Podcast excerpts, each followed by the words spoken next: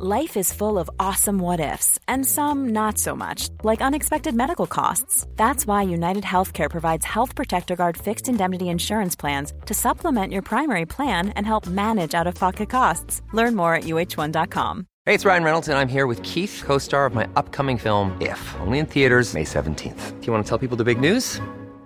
All right, I'll do it. Sign up now and you'll get unlimited for $15 a month in six months of Paramount Plus Essential Plan on us. Mintmobile.com slash switch. Upfront payment of $45 equivalent to $15 per month. Unlimited over 40 gigabytes per month. Face lower speeds. Videos at 480p. Active Mint customers by 531.24 get six months of Paramount Plus Essential Plan. Auto renews after six months. Offer ends May 31st, 2024. Separate Paramount Plus registration required. Terms and conditions apply if rated PG. Du lytter til en podcast fra Third Air.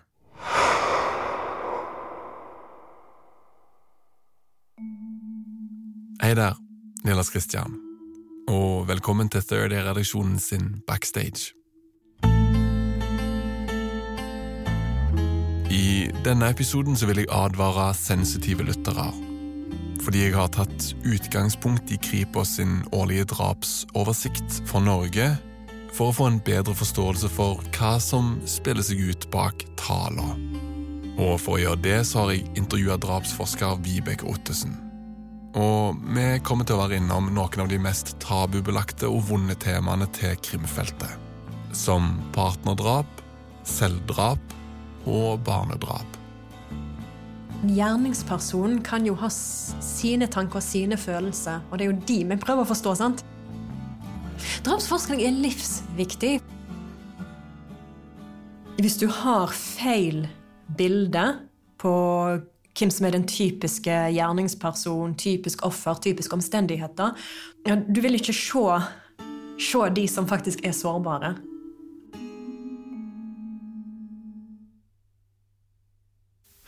Vibeke Ottesen, velkommen til oss. Tusen takk. Kriminolog og drapsforsker som har spesialisert seg på partner- og barnedrap. Ja. Og dialekten din er for Stord. Men eh, når vi prater sammen over telefon, så dukker det plutselig opp engelsk i samtalen. Ja, engelsk er morsmålet mitt. Det er òg det språket jeg bruker mest når jeg eh, skriver tekstene mine. Um, men når i media, så prøver jeg så godt jeg kan å holde meg til norsk, fordi her skal han jo være forståelig og nå fram med et budskap som kan være um, overraskende og vanskelig. Jeg har notert et eh, sitat fra deg fra når vi prata sammen over telefonen. Okay. Det er livsviktig med drapsforskning. Ja. Det jeg mener med det, da, at det er livsviktig å gjøre det, er jo at uh, hvis vi skal forebygge disse drapene, så må vi jo vite hva som eh, kjennetegner de som eh, begår de, og de som er ofre, hva omstendigheter det skjer i. Og når jeg da foreleser om barnedrap, så er det typisk for en forelesning jeg holder på, da, at jeg da åpner med å spørre publikum um, hva de tror kjennetegner barnedrap i Norge. Og de svarene jeg får, um, som f.eks. at de, um, de tror kanskje at de fleste barnedrap i Norge skjer eh, som en konsekvens av at barn har vært utsatt for uh, alvorlig vold over lengre tid. Eh, jeg får andre svar, som f.eks. at de tror kanskje at det er foreldre som er rusmisbrukere, som har drept ungen. Og det er jo vitterlig ikke det bildet jeg har i min forskning på barnedrap i Norge. Um, det er svært sjeldent at barn dør etter lengre tids eh, eh, vold. Um, og jeg har vel bare ett tilfelle i mitt sample der eh, foreldrene var rusmisbrukere. Så hvis du har feil bilde på hvem som er den typiske gjerningsperson, typisk offer, typiske omstendigheter, så vil du jo eh, ja, Du vil ikke se, se de som faktisk er sårbare. Um, så jeg eh, driver med formidling i den grad jeg gjør, så mye som jeg gjør, til de gruppene jeg gjør, på den måten jeg gjør, fordi det er så viktig at folk vet hva de ser etter. Det er livsviktig At folk vet hva de ser etter når det kommer til sårbarhet for drap. Og så Før vi går inn i materien her, så er det viktig å si at du kan kun uttale deg på generelt grunnlag, og ikke om enkeltsaker. Ja, jeg eh, må holde det på et sånt nivå. Altså, du, du er jo psykolog, men du er jo ikke en klinisk psykolog som behandler folk som dreper i eh, terapirommet. Nei, det er jeg ikke. Jeg har ikke tatt profesjonsutdanningen. Jeg er ingen kliniker. Eh, innenfor psykologi så har jeg tatt eh, faggreinen evolusjonspsykologi. Evolusjonspsykologer er jo opptatt av å finne hva som er typisk for menneskerasen. Altså hva type psykologiske mekanismer er det vi mennesker har. Så jeg ser på det fellesmenneskelige, det krysskulturelle. De får det vi kaller for en fenomenforståelse. Mm, altså mønstrene mm. som går igjen, egentlig. Ja, de typiske trekkene ja. ved.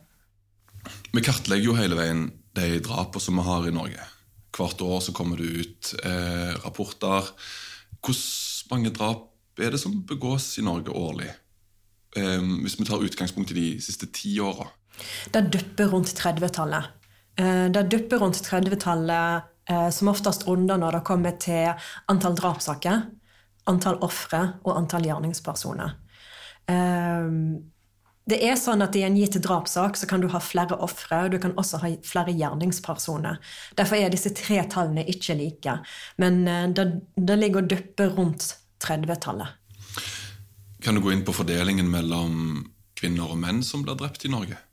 Ja, um, det var for noen år siden at um, og Dette ble da en sak i media. For meg som drapsforsker så, så hadde ikke jeg tenkt på at dette her var nødvendigvis en uh, sak som sådan, men det ble blåst opp veldig i media at det er noen år der det er mer eller mindre 50-50 uh, hvor mange kvinner og menn som blir drept.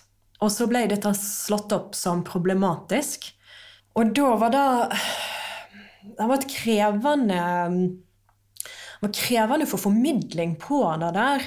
Å rydde opp i den misforståelsen om at dette betydde fordi det var 50-50, så betydde det at det var farligere å være kvinne i Norge enn i andre land der du har en skeivere kjønns fordeling. menn som blir drept, typisk, sant? Helt typisk så er det en mann som eh, både blir drept og, og, og, og dreper. Det mest klassiske eh, drapet i hele menneskehetens historie er jo at en mann dreper en annen mann. Og da er det snakk om de, som, altså de unge mennene. Unge menn, først og fremst. ikke sant? Så det er gruppa eh, 20 til begynnelsen av 30-åra. Ja, altså det er da tiåret der, 20-årene. Uh, det er altså, i menneskehetens historie, og også i de samfunn som har mest drapsforskning i dag, som f.eks. USA eller Storbritannia, så er det i begynnelsen av 20-årene eh, menn som dreper andre menn.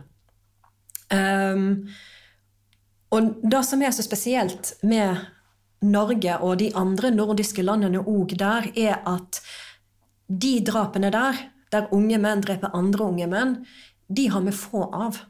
Og Norge er jo et lavkriminalitetsland. Så ved å være et lavkriminalitetsland, så har vi forebygga de drapene. Så grunnen til at det da er 50-50 mellom kjønnene i Norge, betyr ikke at det er ekstra farlig å være kvinne i Norge i forhold til USA. Virkelig ikke. Eh, norske kvinner har det tryggere enn kvinner i USA har det.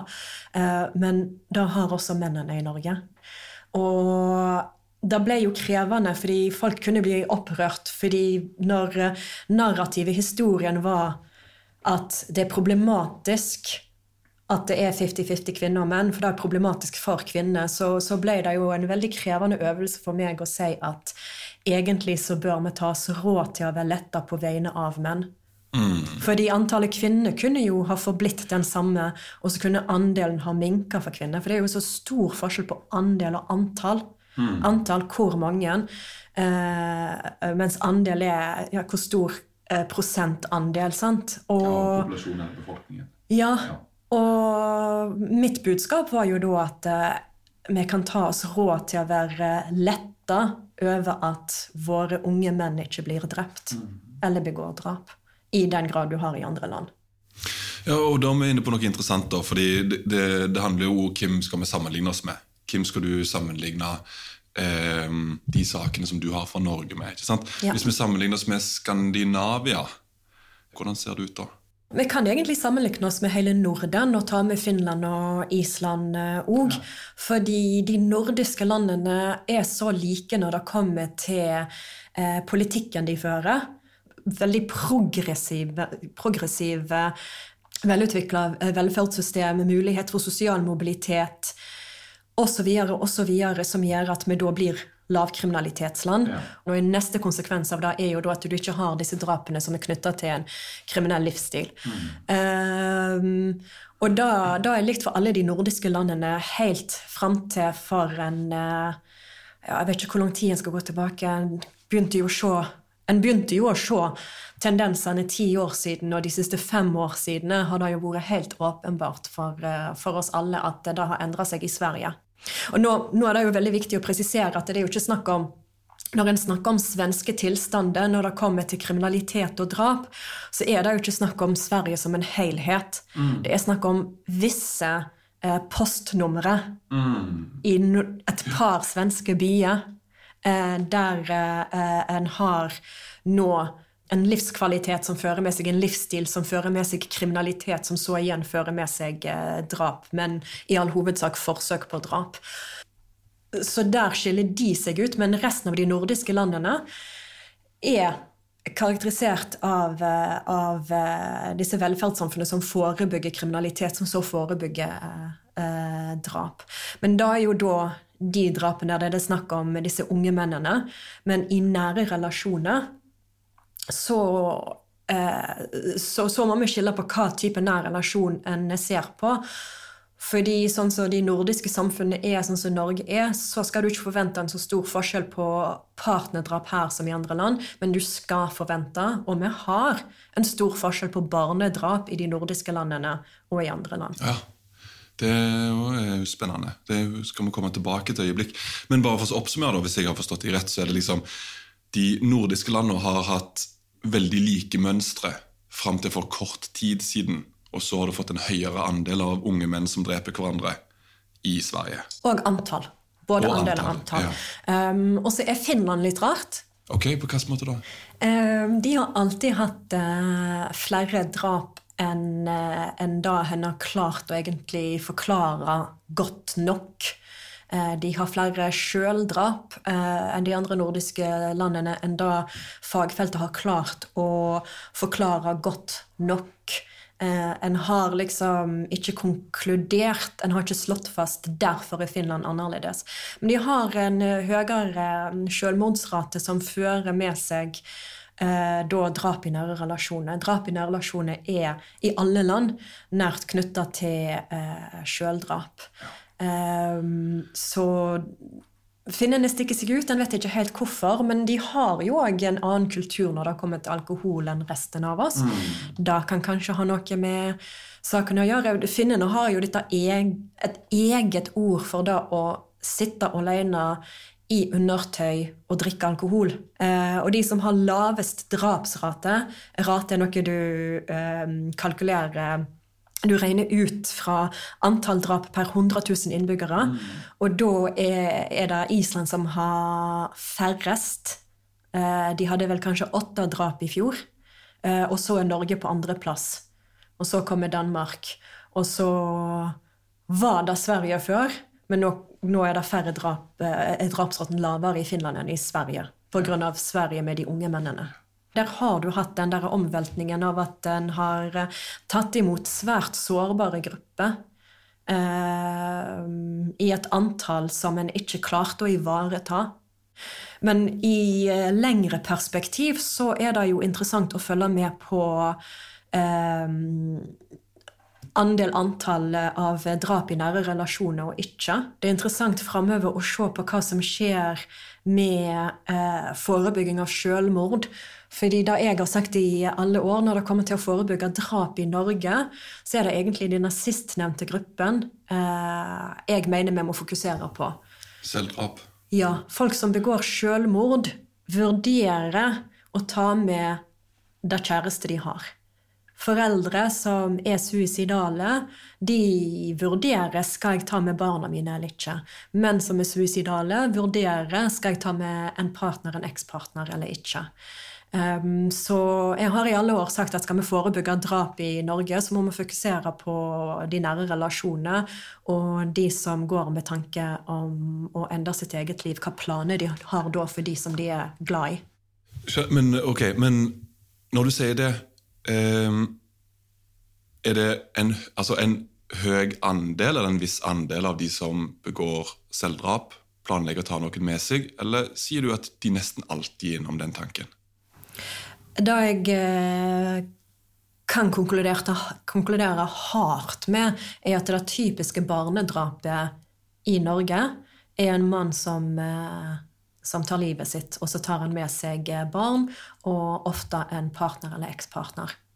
Så hvis vi vil forebygge barnedrap, og hvis vi vil forebygge partnerdrap, så må vi faktisk stille opp for uh, menn som sliter. Så, altså, sånn er det bare. Mm.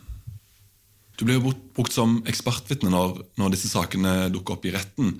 Men hender det at du bidrar på den andre sida av de sakene? her? Altså, eh, når politiet sliter med å løse en drapssak?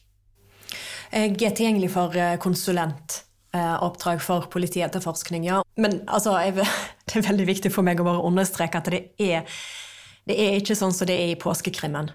Eh, det gir et veldig feil inntrykk eh, da en ser i, i, i påskekrimmen når når de får en sånn eksentrisk person. Kanskje jeg er litt eksentrisk, men ja, det er ikke helt sånn på film da, at en kommer inn og, og, og, jobber med politiet og har eh, enormt med ressurser, og så er det den eh, eksentriske eksperten som kom inn og løste saken på, på fritiden sin. Sånn er det veldig, veldig, veldig ikke. Sånn som det er mer, er at uh, politiet er jo helt vanlige folk. Um, og når de plutselig står opp i en sak der en forelder har eh, drept ett barn, drept to barn Det er veldig belastende for dem, og de kan jo oppleve å være fullstendig fremmedgjort fra De er jo ofte foreldre sjøl, og de er helt fremmedgjort fra hva kan få et, et menneske, en forelder, til å gjøre noe sånt. og jeg er jo der for for, for å, liste fakta, kan du si. Hva er typiske trekk ved barnedrap? Og, og gjerne òg diskutere den gitte saken. Hvordan passer denne gitte saken inn med det vi vet om barnedrap ellers? Men uh, kan, uh, de kan ha behov for at jeg bare kommer inn og bekrefter at uh, jo, foreldre kan gjøre sånt. Jo, en mor kan gjøre sånt.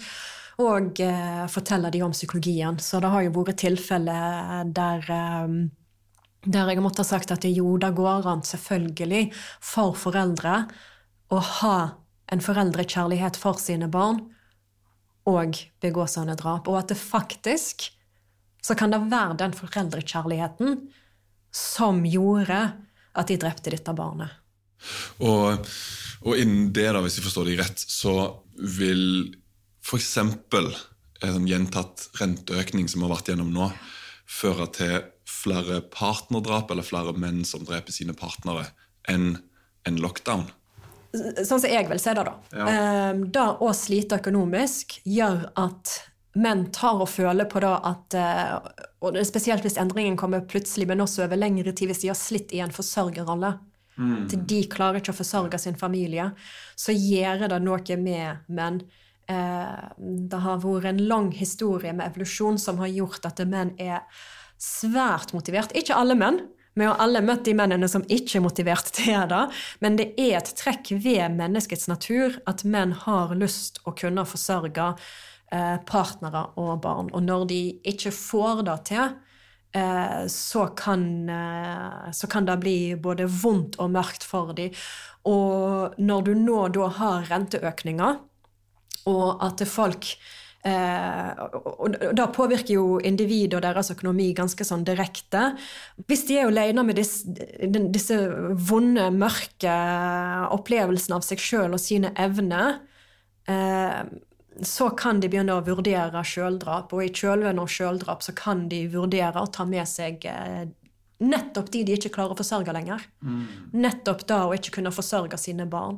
Så det er det, det gir kanskje ikke intuitiv mening for lytterne dine, men da må de bare stole på drapsforskeren her som sier at Ja. eh, vi kan kanskje ikke like at det er sånn, men det er faktisk sånn at folk som er glad i ungene sine, kan ta dem med seg i døden. Ja, vi skal, vi skal pakke ut det her litt mer, for det, det er jo veldig godt fundert, det du sier. Altså det, det er godt forankra. Hvis vi bare skal ta ett lite eksempel før vi går videre, som er ekstremt konkret, så er det jo, vi har jo noe som heter hjemmevernet i Norge, eller Heimevernet. Og når jeg var liten, i bygda jeg vokste opp, så var det flere av fedrene til mine kompiser som hadde maskingevær eller maskinpistol hjemme. Ikke sant? Fordi de var i hjemmevernet, og de skulle, skulle raskt kunne mobilisere til krig. Det er jo ingen som har de våpnene leng hjemme lenger. Fordi Heimevernet har jo nå eh, lagra de sentralt, eller i på en måte regionale lagre, fordi det var jo en, flere tilfeller etter hverandre hvor menn brukte de våpnene til å ta med, sin, ta med seg familien sin og seg sjøl i døden. Så det, det er jo eh, Vi har jo vi konkrete eksempler på liksom, hvordan vi har forebygd dette her. da. Hvis vi drar til et av forskningsfeltene dine, altså eh, noe av det mørkeste av alt, det som jeg tror folk virkelig sliter med å ta inn over seg. Eh, hvor stor andel av drapene i Norge er barnedrap? Da kommer an på hvem du spør. Der er rettsmedisinere der ute. Dyktige Ja. rettsmedisinere som i alle år har eh, snakket om eh, mørketall som, som, som jeg finner vanskeligheter å, å, å skulle gå med på. Eh, Men at barnedrap er den kategorien som er mest sårbar for mørketall, da er helt åpenbart. Og der er saker der med all sannsynlighet jo da barna har vært drept, og politiet har prøvd å etterforske det, men de klarer ikke å finne ut av om var det mor, eller var det stefar, eller var det kjæresten som gjorde det. Um, og de må henlegge disse sakene, for de er så vanskelig å etterforske. Um, men de offisielle tallene så kan det være Det kan være et år med ingen sånn offisielt bekrefta barnedrap, men så kan du plutselig ha da en to fedre, to ulike familier, der han ene hadde to barn, han andre hadde tre, og de begge tok med seg barna i døden, og da har du plutselig fått fem det året. Så når du har så få drap som det vi har i Norge, og så få barnedrap som det vi har, så kan eh, to år være veldig ulike. Så her må en jo ikke snakke om en prosentvis økning fra det ene året til det andre. Da må en, eh, det må en jo unngå å gjøre. Men altså, det er få drap. Men altså, jeg har alltid sagt det. Jeg har jo vært i media siden 2008, og jeg har alltid sagt Hver gang jeg sier at det er få drap, så er jo ett ett for masse. Så et år har vi kanskje to barn som blir drept i Norge. Et år har vi kanskje fem. Um, og ett år så har vi kanskje ingen. Og uansett så kan du regne med at det kanskje er ett barn som ble drept der uh, det ikke ble uh, identifisert, eller det ikke ble etterforska på en sånn måte at det førte til en rettssak. Og når du snakker om disse mørketallene, så antar jeg at forskerne som, som roper varsku om store mørketall, det er de som forsker på shaken baby syndrome. De er ikke nødvendigvis forskere. Jeg kalte de for rettsmedisinere. Men de står jo der dag ut og dag inn året rundt, og av og til så får de barn på bordet sitt. Ehm, dette med shaken baby syndrome er ikke så mye problemet så mye som eh, Foreldre kan jo påstå at et barn har falt ned fra en sofa, og så sier rettsmedisinen du får ikke den type skade av det. Eller det var en sak der en mor eh, påsto over lengre tid overfor sykehuset, overfor politietterforskere, at barn hadde drukna i en bøtte. Og så måtte rettsmedisinene si at for at vi skal kunne gjøre jobben vår, så må vi se den eh, eh, sprinkelsengen som barnet visstnok datt ut av. Vi må se hvor den bøtten sto i forhold til den sengen. Hvor mye vann var det oppi der? Og er det sannsynlig at et barn på halvannet år ville stått med hodet oppi en bøtte og svelle av vann. Det var, ikke, det var ikke åpenbart at det da var en sak, en helt konkret sak som kom til å ende opp i retten, som kom til å ende med domfellelse, som det jo gjorde av både mor og hennes kjæreste. Men ja, det er store utfordringer for rettsmedisinere å skulle avgjøre om skadene førte til dødsfall av barnet, Uh, og det er store utfordringer for politiet å identifisere hvilken av gjerningspersonene. Um, og så er det jo sånn i retten at hvis det er nok tvil, så skal det komme tiltalte til gode. Og så er det jo sånn at det skal, skal da statsadvokaten og riksadvokaten ta ut tiltale og kjøre en rettssak hvis de ikke er helt sikre på at de kommer til å vinne. Så, så, så, så her er det jo helt fra å oppdage at barn har blitt eh, drept, til å identifisere hva skade var det som drepte barnet, til hvem var det som påførte de skadene, og hva gjorde de i ettertid. Der er jo noen eh, omsorgspersoner som i stedet er blitt domfelt for å ha eh, latt et barn være i hjelpeløs tilstand. At eh, en rettsmedisiner kan si dette barnet har så mange skader over en lengre periode hva det var som drepte barnet, hvem det var som gjorde det, da, da får en ikke oppklart. Men hvis et barn med sånne skader har bodd med to omsorgspersoner, og ingen tok det til helsehjelp, da, da kan en ta ut tiltale og domfellelse på det. Så f.eks. Eh, dødelig vold. Det er, ikke, eh, det er ikke en juridisk forståelse av å være eh, drap. Og noen av lytterne deres har kanskje hørt om Kristoffer Kile. Kristoffer-saken. Mm. mm. En uh, lyslugga gutt. Dagbladet har hatt bildet hans på framsida veldig mange ganger. Uh, og den ble jo henlagt noen ganger. Mm. Fordi stefar ble domfelt for dødelig vold, så er ikke den saken med i f.eks. Kripos sin oversikt over drap for Norge. Mm. Deres årlige rapport. For den er dødelig vold. Men han er med i mitt sample, i mitt ja. utvalg, mitt forskningsutvalg, um, fordi jeg definerer da utsette et barn for så alvorlig vold at den dør. Mm. Eh, hvis du leser om skadene til Kristoffer, ja. eh, så er de svært alvorlige med hode... Kranieskader. Ja. Kraniebrudd. Ja. På 17 cm på ja. en liten gutt på sånn 7-8 år. Så da er Den faller innenfor min definisjon på barnedrap to av de kjente barnedrapssakene i Norge. Det som jeg vil kalle barnedrapssaker. da. Det er jo Kristoffer-saken, eh, og så er det Monica-saken fra Bergen. I begge tilfellene så henla jo politiet dette som selvdrap, at disse små barna drepte seg sjøl. Eh, og i begge tilfeller så var det jo stefar med en tidligere voldelig historikk som sto bak eh, drapene. Sånn sett så passer de vel kanskje inn i mønsteret som du har når det kommer til drame, eh, barnedrapssaker?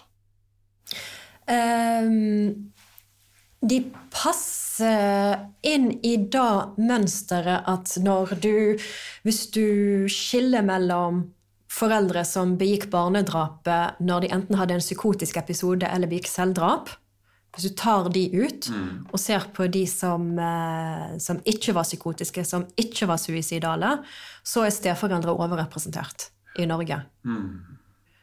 Og, og, det her evolusjonspsykologi er så mye mer uh, matnyttig enn de andre teoretiske retningene. De andre teoret teoretiske retningene har egentlig ikke et grunnlag for å skille mellom genetiske og steforeldre, og heller ikke noe teoretisk grunnlag for å skille mellom foreldre som er suicidale og psykotiske og de andre foreldre. Men da har jeg i evolusjonspsykologien, som refererer til evolusjonsbiologi og evolusjonsteori.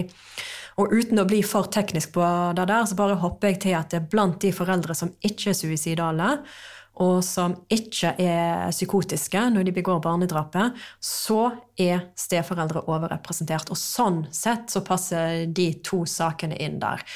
Men Sjøl om barnedrap kan ha sine kjennetegn, eh, så kan de også eh, det, det, er ikke sånn at det, du, du, kan liksom trykke ut eh, disse barnedrapssakene med en slags sånn eh, pepperkakeform der de alle sammen er like. Der er jo ting ved Kristoffer-saken som skiller seg fra et internasjonalt mønster.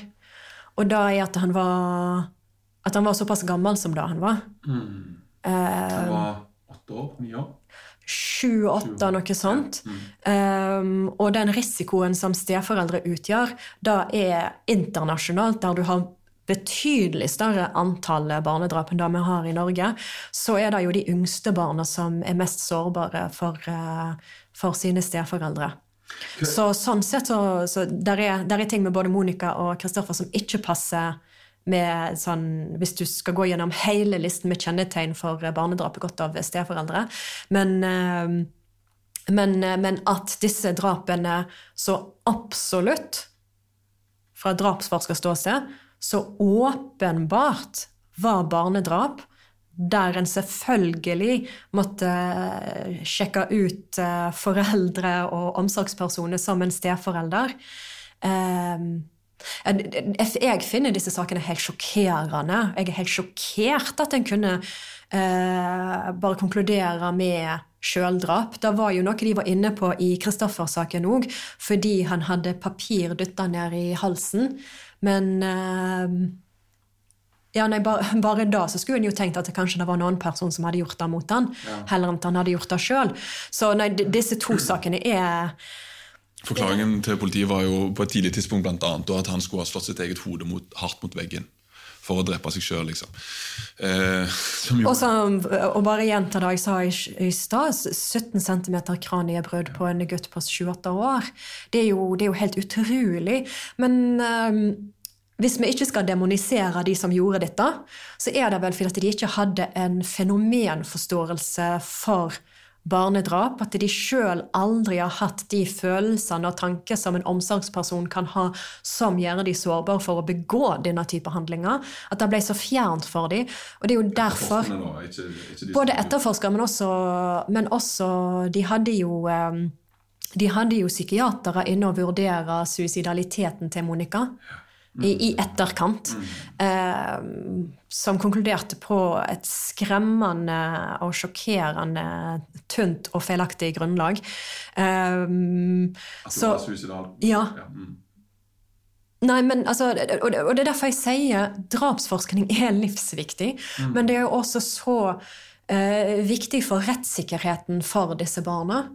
Hvis vi svikter barn, og de ender opp med å bli ofre for omsorgspersoners eh, krise og, og, og, oppdragermetode, så skylder vi i alle fall disse barna i etterkant av døden deres da, og, og etterforske så godt som mulig og å ha kvalifiserte personer inne og ha en fenomenforståelse. Men for å ha en fenomenforståelse så trenger vi jo drapsforskningen. Mm. Derfor blir det både livsviktig, men også viktig for rettssikkerheten å ha denne forskningen. Men eh, stemmer det at den eh, kategorien som Hvis du ser på gjerningspersonene i eh, barnedrap, så den, den største kategorien eh, er de som er i psykose? Nei. Det er fedre som begår selvdrap. Som er den største kategorien, ja. ja og tar med seg barna. Men um, i disse to kjente sakene, da uh, så var, I begge tilfellene så var det jo uh, stefar, eller eks-stefar. Hva er det som gjør at steforeldre er overrepresentert i barnedrapssaker? Um, ja, for igjen så må jeg presisere de er overrepresentert i Norge blant de som ikke er suicidale, og som ikke er psykotiske. Ja. Hvis, du, hvis du ikke er en evolusjonspsykolog, og du forsker på barnedrap i Norge, så vil du kunne konkludere at de ikke er overrepresentert. Fordi du har ikke skilt ut de som er suicidale, og de som er psykotiske. Mm. Mm. Men hvis du er en evolusjonspsykolog som meg, og du har et vitenskapelig grunnlag for å gjøre det, så er de overrepresentert. Mm. Jeg må ha tunga beint i munnen på hvordan vi inndeler og snakker om overrepresentasjon. Um, det som er, er at evolusjon har jo skapt oss mennesker sånn at vi føler rett og slett ikke det samme som en generell regel. Så mm. føler ikke vi det samme for egne barn og andres barn. Og Det er et lite tabu, rett og slett? er det ikke det? Vi har ikke lyst til å innrømme det. Um, jeg ser en endring på det i det norske samfunnet. Jeg ser en endring på det. Um, for noen år siden så gikk Audun Lysbakken, tidligere leder i SV, ut og omtalte sitt stebarn, eller sine, jeg vet ikke om han er én eller to, men som bonusbarn. Og når jeg først hørte det, så tenkte jeg jo så fint, så flott å omtale de som bonusbarn. Og så ble jeg kjent med dette begrepet at folk omtaler stebarn som bonusbarn. Så tenkte jeg Jeg hadde to tanker i hodet samtidig. Utrolig nok. Um, og det første var så fint, så flott. Og dernest det er jo ikke sånn vi mennesker er skrudd sammen at vi nødvendigvis syns at stebarn er en bonus. Vi mennesker er skrudd sammen sånn at vi kan finne en partner og falle veldig for det, den partneren, og ha lyst til å ha dem for oss sjøl. Og da er det veldig menneskelig å oppleve disse barna som en byrde. Har vi lov å snakke om det? Det var f.eks. et par år siden to eller tre år siden, så var det en kvinne som jeg mener det var i Aftenposten, gikk ut med både bilde av seg sjøl og sitt fulle navn og sa at når stebarna, bonusbarnet, var på besøk, så ville hun gjemme osten. Mm. Hun hadde ikke lyst å. Jeg har venninner som har uh, gått inn i forhold med menn som har barn fra før av, og de har snakka med meg om hvordan det er da å, å ha disse barna Um, og kanskje har de dårlig samvittighet for det at de på en måte ikke klarer å omfavne dem på samme måte? da, eller? Det sier kanskje noe om vennskapsforholdet mitt til mine venninner, at det har ikke vært så mye dårlig samvittighet der. Mm. De, det har vært en eh, oppriktig frustrasjon hos de over disse stebarna. Mm. Um, og jeg tenker at heller enn å fordømme dette her og skape et tabu rundt det, Sånn som du spurte om, dette her er det vel tabu rundt. Så tenker jeg at, uh, at vi må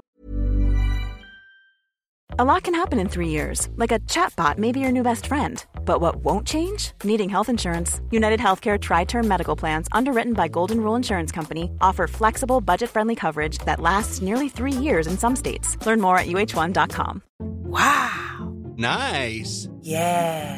What you're hearing are the sounds of people everywhere putting on Bombas socks, underwear, and t-shirts made from absurdly soft materials that feel like plush clouds. Yeah, that plush. And the best part? For every item you purchase, Bombas donates another to someone facing homelessness. Bombas. Big comfort for everyone. Go to bombas.com slash ACAST and use code ACAST for 20% off your first purchase. That's bombas.com slash ACAST. Code ACAST. Hiring for your small business? If you're not looking for professionals on LinkedIn, you're looking in the wrong place. That's like looking for your car keys in a fish tank. LinkedIn helps you hire professionals you can't find anywhere else, even those who aren't actively searching for a new job but might be open to the perfect role. In a given month, over 70% of LinkedIn users don't even visit other leading job sites. So start looking in the right place. With LinkedIn, you can hire professionals like a professional. Post your free job on linkedin.com slash people today. Burrow's furniture is built for the way you live. From ensuring easy assembly and disassembly to honoring highly requested new colors for their award-winning seating, they always have their customers in mind. Their modular seating is made out of durable materials to last and grow with you. And with Burrow, you always get fast, free shipping. Get up to 60% off during Burrow's Memorial Day sale at burrow.com slash ACAST. That's burrow.com slash ACAST. burrow.com slash ACAST. Være åpne og ærlige om at det er sånn, sånn at vi kan identifisere de konfliktene som kan og nødvendigvis vil oppstå, og, og finne gode løsninger på det. Og det er ikke sånn at fordi jeg er en evolusjonspsykolog og sier at dette her er helt menneskelig, så syns jeg at det er helt tipp topp at voksne mennesker gjemmer osten og sågar går ut i media med bilde og navn og sier de gjør det. Um, fordi det er jo alltid den voksnes ansvar å ja vel ta og føle på disse følelsene men så å handle så mye bedre. Og vite at ok, dette er en menneskelig respons. Det er kanskje ikke noe galt med stebarn så mye som at jeg er skrudd sammen sånn at jeg skal reagere som på stebarn. Mm. eh, evolusjonært sett. Men at det er jo strengt tatt ikke nødvendig, og jeg kan gjøre bedre og være bedre. Når jeg foreleser om forholdet Den sårbarheten der er for konflikt i stedforhold, for studenter. Og jeg har jo studenter som er ved generasjoner der det er så mye mer utbredt og typisk å ha steforeldre og bonusforeldre enn det er for eh, folk i vår alder, meg og deg. Så sier jeg at det er jo klart at noen steforeldre har jo vært bedre foreldre, har vært faktisk en bonus i ditt liv. Eh, mer enn hva en kanskje genetisk forelder har vært. Mm. Det er utallige sånne historier. Eh, og sånn er vi mennesker òg skrudd sammen. At når vi møter en ny partner, de har barn fra før av, vi mennesker også skrudd sammen sånn at vi kan faktisk eh, bli forelska og sjarmert og investert og elska og fostre disse barna som våre egne. Sånn er vi mm. også skrudd sammen. Um, men som drapsforsker så, for, så, forsker jo ikke jeg, jeg studerer jo ikke på når det går bra. Mm. Det er når det ikke går bra. Mm.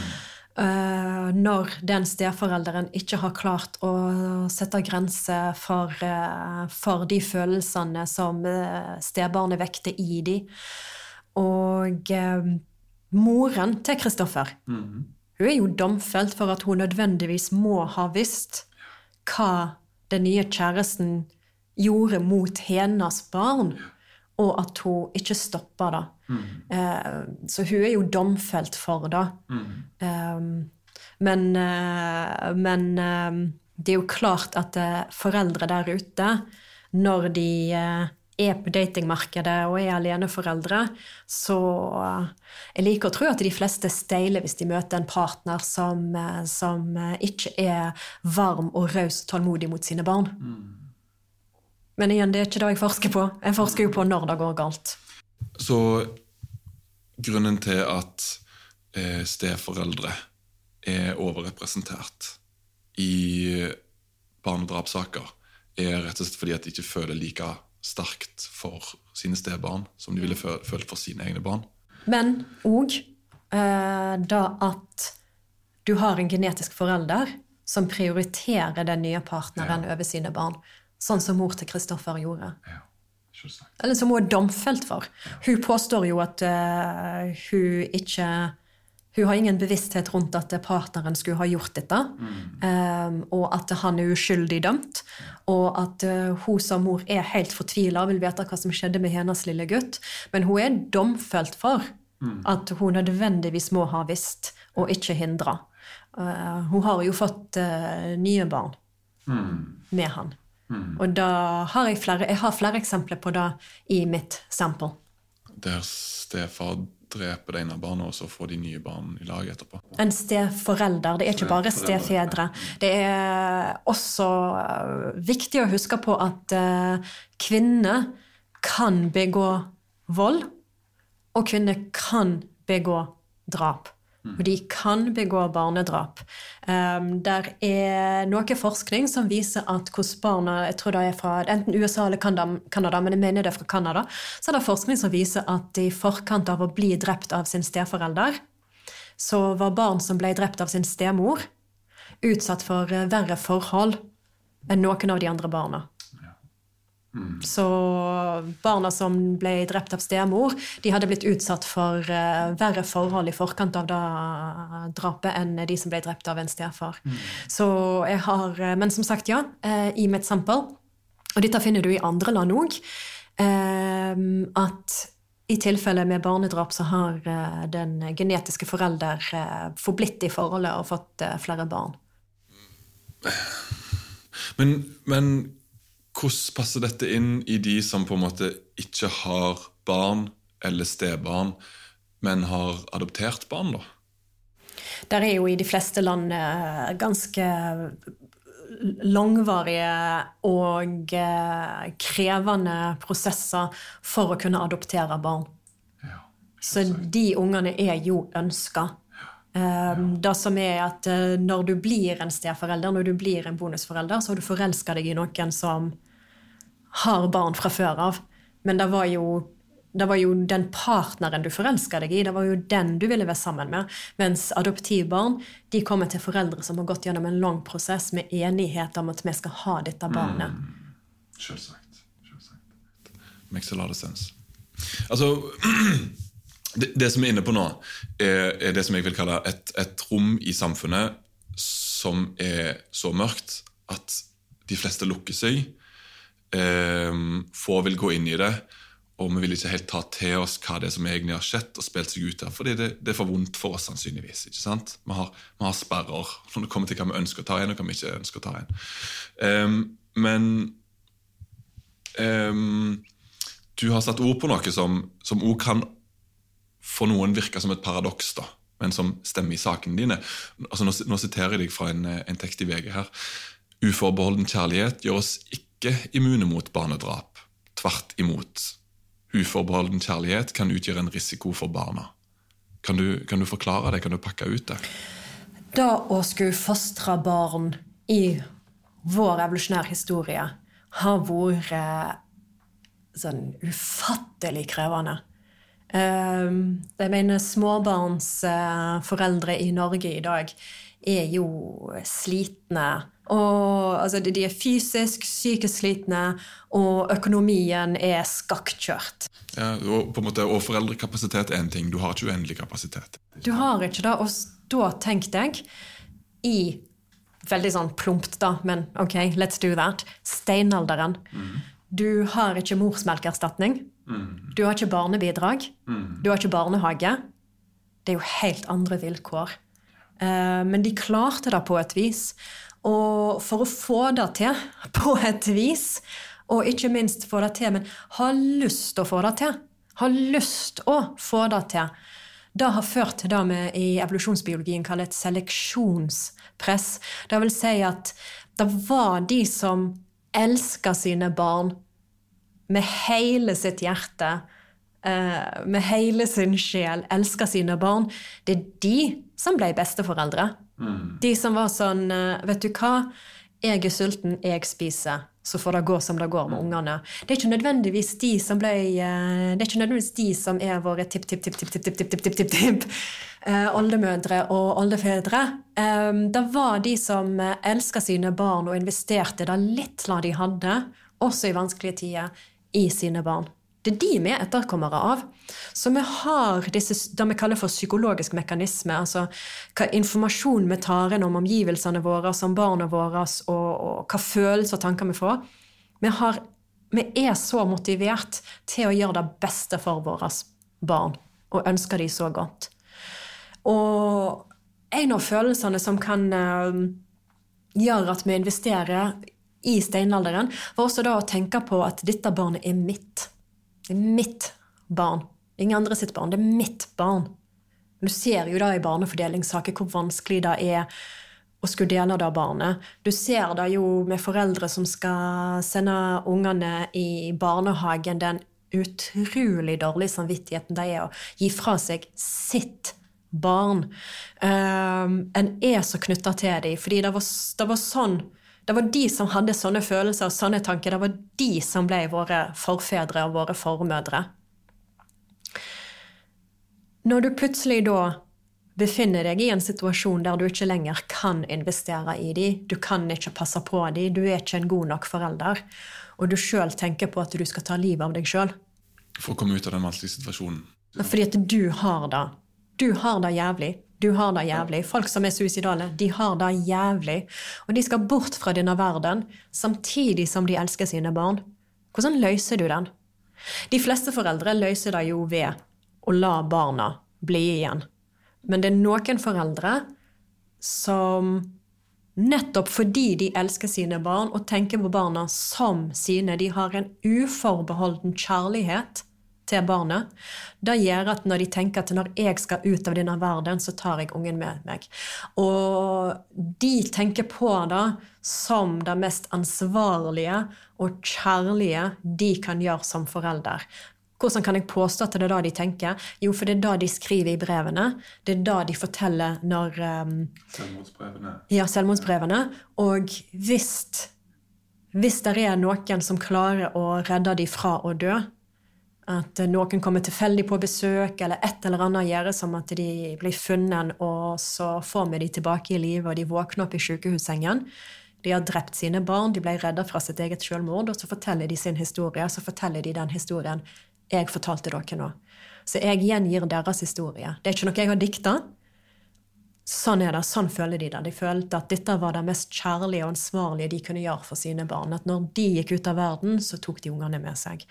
Og vi har kanskje ikke lyst til at det skal være sånn, men all den tid vi vet, så Vi må bare ta det bokstavelig, og så og så må vi være der for disse foreldrene når andre grunner faller fra, eh, som at barnet er en økonomisk byrde, eller barnet er uønska Når den type barnedrap faller fra statistikken pga. Ulike, ulike ting, så sitter du igjen med de foreldrene som drepte barnet i en psykose eller i anledning sitt eget selvmord. Mm. Og skal vi forebygge de, igjen, Jeg er ikke eneste forskeren som sier dette, men vi er nødt til å være der for foreldre som enten, eh, enten skal ta livet av seg sjøl, eller skal ta livet av seg sjøl og vurdere skal jeg ta med ungene mine. Mm.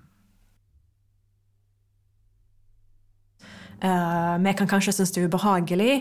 Um, og, jeg, og, jeg, skjønner at uh, det ubehaget andre føler, er kanskje ikke det samme som meg, for jeg har jo holdt på med dette til mm. daglig i så mange år, så jeg har ikke den, den der uh, jeg har ikke sånn, um, de samme begrensningene om at uff, jeg kan ikke stille det spørsmålet, eller uff, jeg kan ikke ta den samtalen. Jeg har jo ikke den sperren der. Dørtersklene er tatt ned? Ja, men jeg tror kanskje jeg alltid var en sånn person som ikke nødvendigvis hadde mm. den type terskler.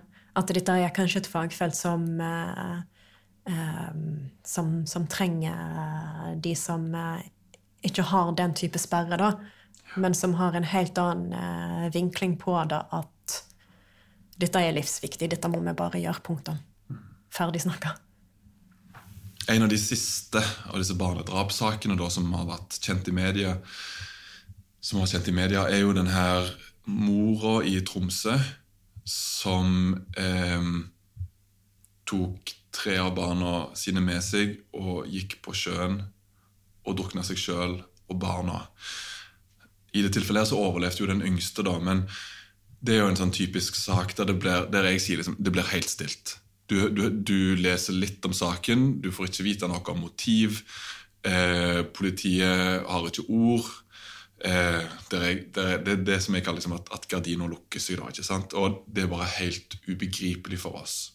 Men hvis vi setter det som du nettopp sa, da, ikke sant? det å være i en så mørk situasjon at veien ut for deg blir å ta ditt eget liv, og fordi du elsker barna dine, så vil du ikke at de skal være igjen uten omsorgspersoner, så begynner plutselig en så mørk sak å gi mening, da.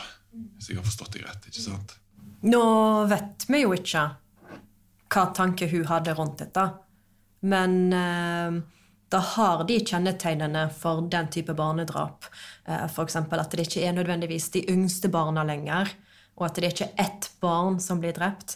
Når eh, foreldre begår eh, drap, selvdrap med barn, eh, så vil de ta de ungene som de har med seg de genetiske barna er ikke, alt, ikke nødvendigvis det barna, for de har ikke den samme sånn, eiendomsfølelsen og omsorgsbehovet for de. Um, så, der, så det, det, er mye likt med saken òg, at når det er en kvinne, så tar ikke hun med seg en partner. Mens når det er en mann, så kan han finne på å ta med seg både barn og partner. Hvis det som vi vet fra generelt nivå om disse sakene stemmer, da, i dette tilfellet, med denne mora som går på sjøen med barna sine, så er det jo liksom pekefingre og skyld og på en måte altså Alt det går ut vinduet. da, altså det, det, er så åpenbart for meg i hvert fall at dette er på en måte en person som er i en helt desperat situasjon, som behøver hjelp. liksom. Det er ikke det, jeg, jeg, kan virkelig ikke se for meg at det vil være forebyggende med straff, f.eks., i sånne saker. Altså. Det der er jo tilfeller av forsøk på drap-selvdrap der eh, vi redder forelderen, og så blir de holdt strafferettslig ansvarlig for det de har gjort. Så jeg, jeg, eh, jeg kan følge din tankegang om at uh, dette her kan vi ikke straffe.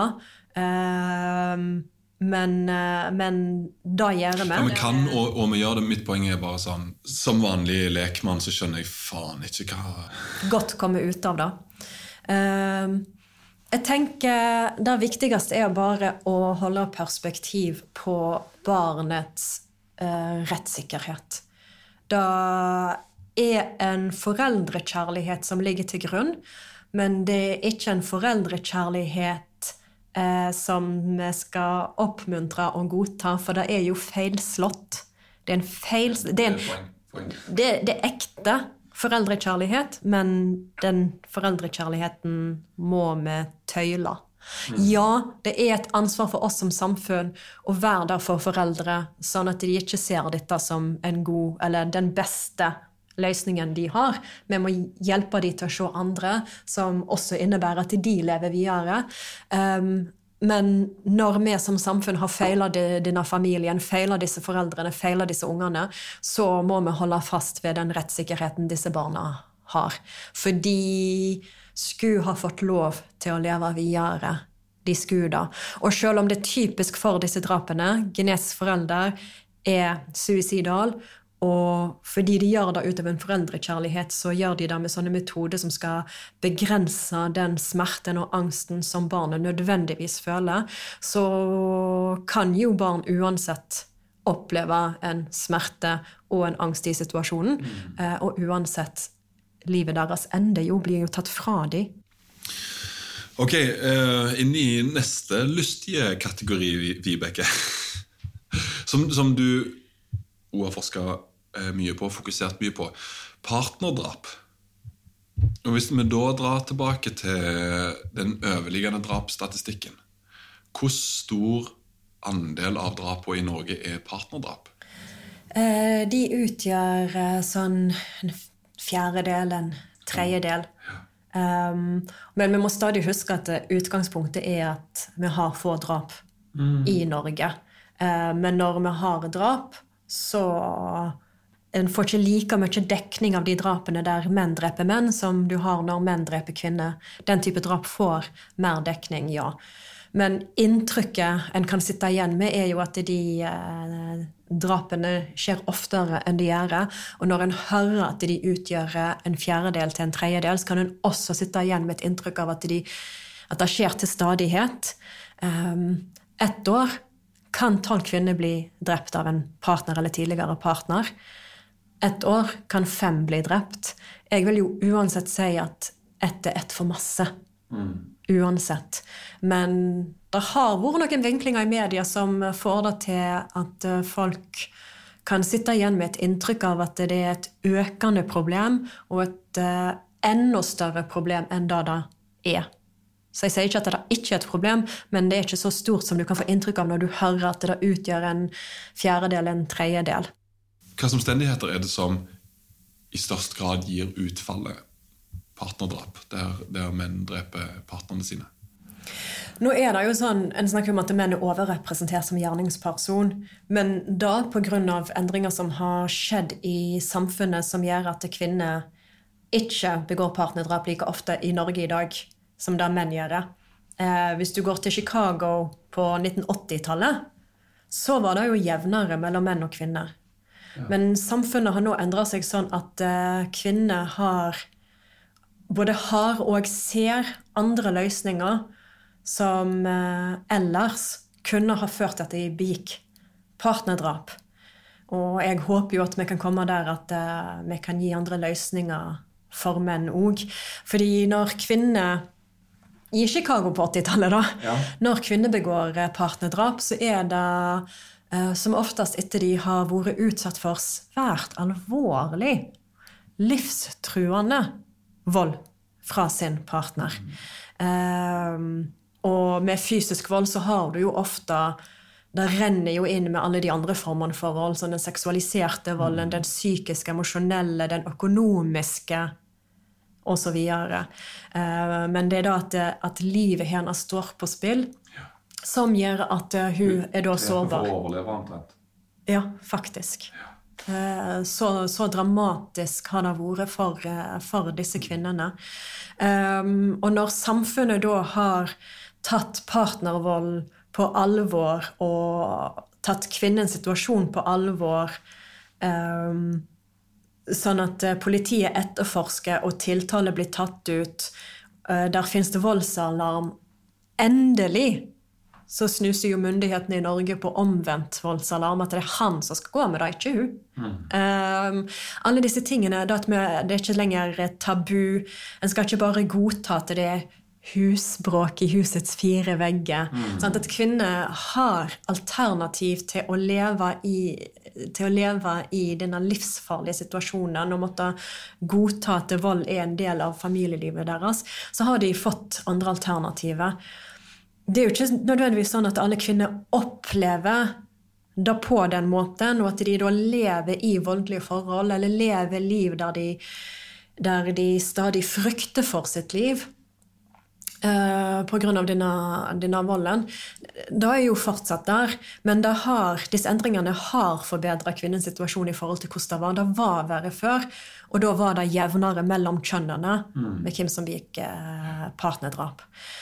Med menn så er det annerledes. Uh, menn kan begå, begå partnerdrap. Uh, det er hovedsakelig to omstendigheter som utpeker seg, både i Norge og internasjonalt. Og de to er kvinnen initierer samlivsbrudd. Oftest. Og nummer to det er dette som vi allerede har snakket om, hans evne til å forsørge. At han mister evnen til å forsørge, så kan han drepe eh, ikke bare barna sine, men også en partner. Så da har vi ikke nødvendigvis de samme eh, oppleggene for menn i disse situasjonene. Vi har en veldig sånn eh, holdning av at hvis menn går gjennom samlivsbrudd, at kvinnen vil ut av forholdet, ja, såpass må han tåle. Eh, og så snakker vi ikke engang om hvordan det er for menn å miste sin evne til å forsørge familien sin. Men bare, Unnskyld, kan jeg bare stoppe deg? For hvis jeg forstår deg rett, altså... så, eh, ja, er det så naturlig at vi har mindre aksept for at kvinner blir utsatt for vold, enn at eh, kvinner forlater menn? Når menn går gjennom samlivsbrudd, så har vi en holdning om at såpass må han tåle. Ja. Det har vi. Ja. Altså, hvordan menn reagerer på det å miste forsørgerevne, det fins det ingen offentlig samtale om. Um, men um, vi er nødt til å ta de samtalene og stille opp for menn i disse situasjonene hvis vi vil beskytte kvinnene. Og der er jo flere menn som tar livet av seg sjøl enn de som begår partnerdrap. Um, ett år er det kanskje fem menn som dreper en partner eller tidligere partner. Ett år er det kanskje tolv menn. Men vi er oppe i hundretalls av menn som tar livet av uh, seg sjøl alene.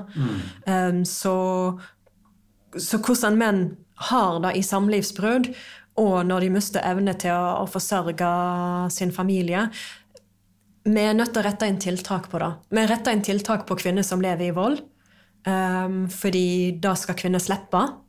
Og i anledning å bekjempe vold og ta det på alvor, og slutte med det der tullet med å si det var en privatsak og kalle det for husbruk, slutte med det tullet, men ta det på det alvoret som den kriminelle handlingen det jo er, så har vi forebygd, i kjølvannet har vi forebygd partnerdrap begått av kvinner. Målet var ikke å forebygge de drapene, det var bare noe som skjedde i kjølvannet. I kjølvannet av å redde kvinner ut av voldelige forhold, så har kvinner unngått å bli gjerningsperson for partnerdrap. Hvis vi skal forebygge partnerdrap begått av menn, så må vi ta inn over oss at menn sliter ved samlivsbrudd. Menn sliter når de mister evnen til å forsørge sin familie. Og vi må stille opp for de mennene. Jeg kan få spørsmål om jo, men er det ikke sånn at det er menn som begår partnerdrap, har vært voldelige mot den partneren? Og det kan hende. Det kan hende. Men det er ikke sånn at det er menn som har vært voldelige mot en partner, tåler samlivsbrudd bedre enn andre menn. Snarere tvert imot vil jeg tro at en mann som, når han hadde henne, så var han voldelig. Hvis han ikke har håndtert konflikter de hadde når de var sammen, så håndterer han det ikke bedre når hun gjør det slutt. Og en mann som, som har vært voldelig, han kan jo ha livskrise, han òg. En mann som har vært voldelig, han kan ha det vondt, han òg. Vi har det alle vondt når vi blir dumpa. Det er jo klart at han kan ha det òg. Og hvis vi virkelig har lyst, virkelig har lyst og ønsker å forebygge de drapene disse mennene gjør, ja, men da må vi stille opp for dem. Vi kan ikke la de gå for lut og kaldt vann, for de er helt åpenbart fem ganger i året, tolv ganger i året, så var det menn som ikke klarte det. Jeg skjønner. Og det er jo på en måte Her òg er det jo sånn i, i sånn klassiske saker og Nå sitter jeg med noen av eh, disse sakene som liksom har vært i nyhetsbildet i det siste foran meg, så er det liksom Framstår som eh, ja, uforståelig for oss ofte. da. Altså Et av de siste tilfellene er jo, er jo denne saken fra Kristiansund. Eh, der et par altså gått opp i pensjonsalder i dette tilfellet så, så, er det jo den avdøde mannen på 73 som er sikta for drap på sin 75 år gamle kone. ikke sant? Og Det, det som slår meg med denne jeg, altså jeg i mitt lille hode tenkte at denne saken er avvikende fordi de er så godt opp i åra. Jeg har liksom tenkt at det er liksom unge par som eh, sliter med en konflikt. Eh, Mannen har mer adrenalin, sånne ting. Så begynte jeg nærmere på det, så det, det er jo flere saker der, der paret er liksom nærmer seg slutten av livet omtrent. Og så er det der partnerdrap spiller seg ut. Du tenker kanskje ikke på det sånn som meg? Nei, jeg gjør jo ikke det. Uh, ja. Um, å være oppe i årene Det er ikke sånn at eh, du når en alder, og så har du aldri mer en livskrise. Mm. Jeg skulle ønske at det var sånn at uh, etter 35 så hadde du aldri livskrise, men det er jo etter 35 de kommer som perler på en snor. Igjen, Jeg vet ikke hvor gammel uh, lytterne dine er, men uh, hvis du er i 20-årene Oi. Ja, Da tror han fortsatt at han kommer til å velge livet sitt. Ja, han gjør jo det, but No. Um, you have no idea, sweetheart. Uh, nå, nå, kommer det liksom etter 35. Nei, så Det er jo klart at du kan ha livskrise når du er i 70-årene òg. Så hvis du er 75 og kona di er 73, og så har hun lyst til å leve de siste årene uten deg, så er jo det en livskrise for mannen. Mm, det er jo det. Sant? Det er jo ingenting å krangle på det der. Nei. Uh, eventuelt så har en det som blir kalt for altruistiske drap. og jeg snakket jo om altruistiske drap. Altruistiske drap. Um, igjen, det kan virke som et paradoks, men la meg forklare. Altruisme er da liksom at du gjør noe for noen andre til tross for at det er en høy pris for deg sjøl. Ja. ja. Og jeg brukte jo ikke det ordet når vi snakket om barnedrap, men uh, der er drapsforskere der ute som mener at når foreldre dreper sine barn, og deres historie at de gjorde det for barnets beste, det var best for barnet at jeg gjorde dette, så kaller de det for altruistiske drap. Mm. Og da kan du ha eh, også med um, foreldre som kanskje har en pleietrengende barn. Barnet har jo blitt 40-50-60, og da vil si til de sjøl er sånn 20-30 år eldre. De kan jo drepe dette barnet, for de evner ikke å gi den omsorgen da barnet trenger lenger. Eh, barnet er voksent, men pleietrengende. sant? Um, og da er det jo et altruistisk drap da òg. Um, jeg vet jo ikke detaljer i dette forholdet, men jeg vet at eh, med eldre par med skrantende helse, så kan det òg være. Um, og jeg understreker at for uh, den som blir drept, offeret, så fremstår det jo ikke nødvendigvis som altruistisk. Det er jo et drap. De mister jo livet. Hvis de ikke har blitt enige om dette her, så er det jo uh, et drap, en kriminell handling. Men gjerningspersonen kan jo ha sine tanker og sine følelser, og det er jo de vi prøver å forstå. sant? Ja.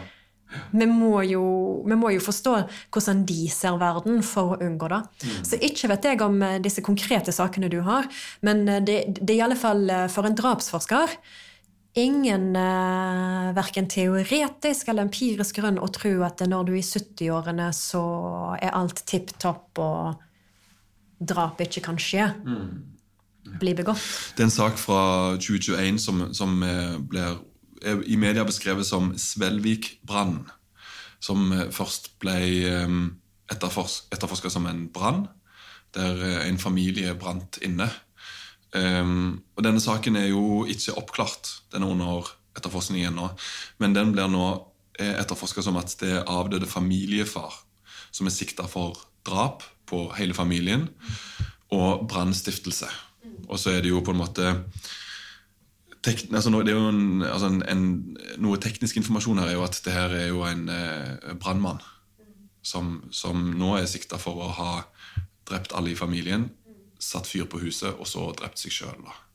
Altså, du må jo bruke hypoteser når du etterforsker saker, men, men den passer vel kanskje veldig bra inn i den det som du har pratet om da med mannen i livskrise som, som, ikke klarer å forsørge familien lenger, og er på en måte så langt ned i mørket at han ser dette her som utveien. da. Som passer veldig godt overens med det jeg pratet om i begynnelsen med hvorfor man nå har låst maskingeværene til heimeværene inn i sentrale lager og ikke har det hjemme lenger. Ja, altså Jeg vet jo ikke nok om eh, hans forsørgerevne, og om det var det som var motivet. Det vet jeg ingenting om. Men, men eh, ja, det har kjennetegnene til de mest, det mest typiske barnedrapet i Norge.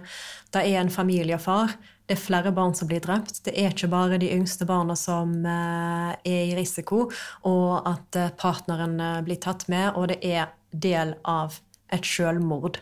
Mm. At det er det. Så det er, det er det mest typiske barnedrapet. Uh, ja, det er det. Ja, Og partnerdrap. Um, der er flere kvinner som blir drept uten at barn blir drept, enn uh, kvinner som blir drept sammen med familie. Så uh, um, det er ikke det mest typiske partnerdrapet. Det mest typiske partnerdrapet så er hun eneste offeret. Det er det mest typiske. Men, um, og det er jo ofte da at hun ville ut av forholdet mens hvis han mister forsørgerevnen, mm. så er det mer typisk at uh, det er da del av et selvdrap, og at uh, barn og partner blir tatt med i det. Uh, på tampen, Vibeke, er det noe som er viktig for deg at vi tar med oss videre? Altså, Du formidler mye i media, og sånn som du sier, du gjør det fordi, ikke for din egen del, men fordi du har et budskap. da. Hva ønsker du at vi skal ta med oss? Um den beste måten å forebygge drap på i Norge i dag, når vi har så få drap som det vi har, eh, så er det ikke sånne store systematiske tiltak, sånn som bildet er akkurat nå. Det kan endre seg. Men akkurat nå så er det ikke de store systematiske tiltakene som eh, så mye som å være der for hverandre som medmenneske. Du vet ikke om Gunnar har slått partneren sin, og at det, det kan ende med et partnerdrap. Men det du vet, er at Gunnar går gjennom et samlivsbrudd.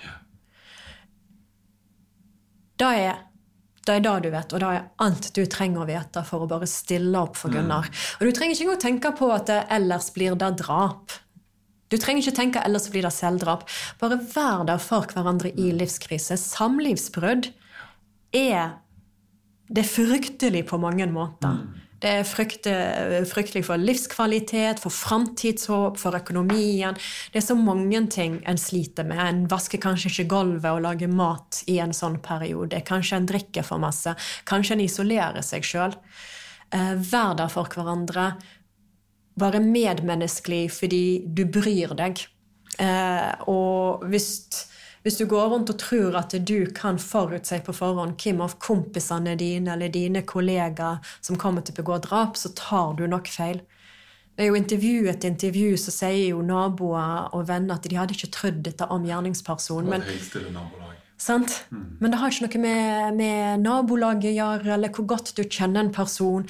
Ei heller hvor god forelder de er, for faktisk det å være en god forelder Da kan uh, It can backfire. Så bare Ja. Uh, så, så, det viktigste jeg har å si, er at uh, vær der for hverandre, og ikke spør om noen har sånne tanker, og når de sier ja, si ja, da må du slutte med, men si jeg er så glad for at du sa det til meg, og jeg er her. Vibeke Ottesen, tusen, tusen takk for at uh, du ville komme til oss. Takk for meg.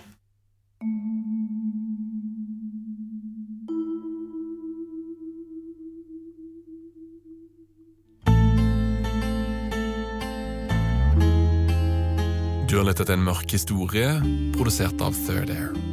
Allerede neste mandag kommer den første episoden av en ny dokumentarserie i fire deler. Den heter Bygdas hemmelighet, og handler om en liten grend i Østerdalen. Som begynner å jobbe sammen når østeuropeisk mafia raner den lokale banken. Mitt navn er Lars Kristian Øverland og det var drapsforsker Vibeke Ottesen jeg intervjua om casene bak drapsstatistikken i Norge. Lydmiks er gjort av Anne Obel. Eksekutiv produsent på Third Air er David Mehr, og ansvarlig utgiver er Martin Jonsson.